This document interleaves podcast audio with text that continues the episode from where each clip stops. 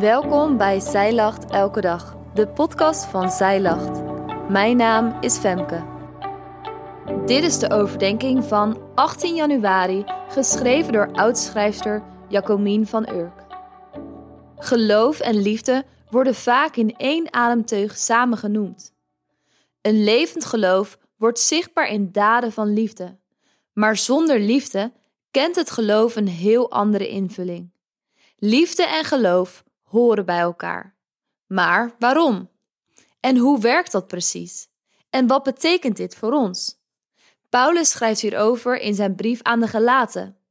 In Galaten 5, vers 6 staat: In Christus Jezus heeft namelijk niet het besneden zijn enige kracht en ook niet het onbesneden zijn, maar het geloof dat door de liefde werkzaam is.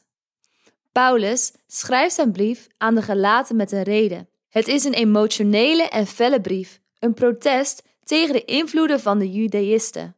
Deze stroming probeerde de christelijke vrijheid aan te tasten door gelovigen van de gemeente in Galatië te dwingen om naar de Joodse wetten te leven en zich te laten besnijden. Als reactie hierop schrijft Paulus een brief aan de Galaten. In de eerste hoofdstukken geeft Paulus uitleg over de wet.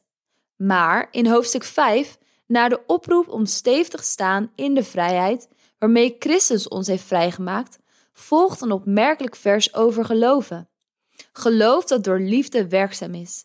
Je zou het misschien zo kunnen zeggen: Liefde is de brandstof van geloof. Zonder liefde geen geloof. Zonder geloof geen liefde. De liefde is dus onmisbaar als het gaat om geloven. Maar wat betekent dit precies? Hierover kunnen we lezen in 1 Johannes 4, vers 9. Daar staat: Hierin is de liefde van God aan ons geopenbaard, dat God zijn enige geboren zoon in de wereld gezonden heeft, opdat wij zouden leven door hem. Hierin is de liefde, niet dat wij God lief hebben gekregen, maar dat hij ons lief had en zijn zoon zond als verzoening voor onze zonde. God gaf zijn enige geboren zoon. Aan wie? Aan de wereld. En waarom deed hij dat? Omdat hij ons lief had. Betekent liefde dan misschien geven? Geven wat je bent aan God, aan de mensen om je heen? Is liefde dan misschien dat je steeds weer die grote, zware deur van je hart opent? En is dat dan het geloof dat werkt? Dat het is dus niet wat de Judaïsten destijds de gelovigen van Galatië probeerden wijs te maken, dat je moet zwoegen. Zwoegen om hem te ontvangen en jezelf te geven. Zwoegen om liefde te bewijzen. Is het dan misschien geloven dat hij mij lief heeft, ondanks alles? Is het geloof dan werkzaam? In Galaten 5 vers 13 staat, want u bent tot vrijheid geroepen, broeders, alleen niet tot die vrijheid die aanleiding geeft aan het vlees, maar dien elkaar door de liefde. Een van de betekenissen die de dikke van Dalen geeft voor het woord dienen is hulde bewijzen. Wauw, is dat niet prachtig? Liefde bewijst hulde. Als ik denk aan hulde bewijzen, dan zie ik de koning en koningin voor me die een stad binnenrijden. Hordes van mensen langs de weg die met slingers en vlaggen juichend en wuivend de koning en koningin verwelkomen.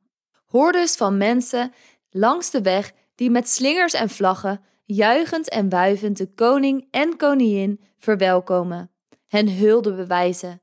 Dat doet liefde dus ook. Misschien wel door de hele inimini kleine gebaren. Liefde zoekt manieren om hulde te bewijzen. Liefde zoekt de God die zichzelf liefde noemt. Als laatste in Galaten 5, vers 22 staat: De vrucht van de geest is echter liefde. Op 14 februari start de 40 dagen tijd. In dit leesplan, Feest van Bevrijding, volg je de Israëlieten in hun reis door de woestijn van slavernij naar vrijheid. En je ontdekt samen met de eerste volgelingen van Jezus over het leven in Gods koninkrijk. Wil jij meer toeleven naar Pasen?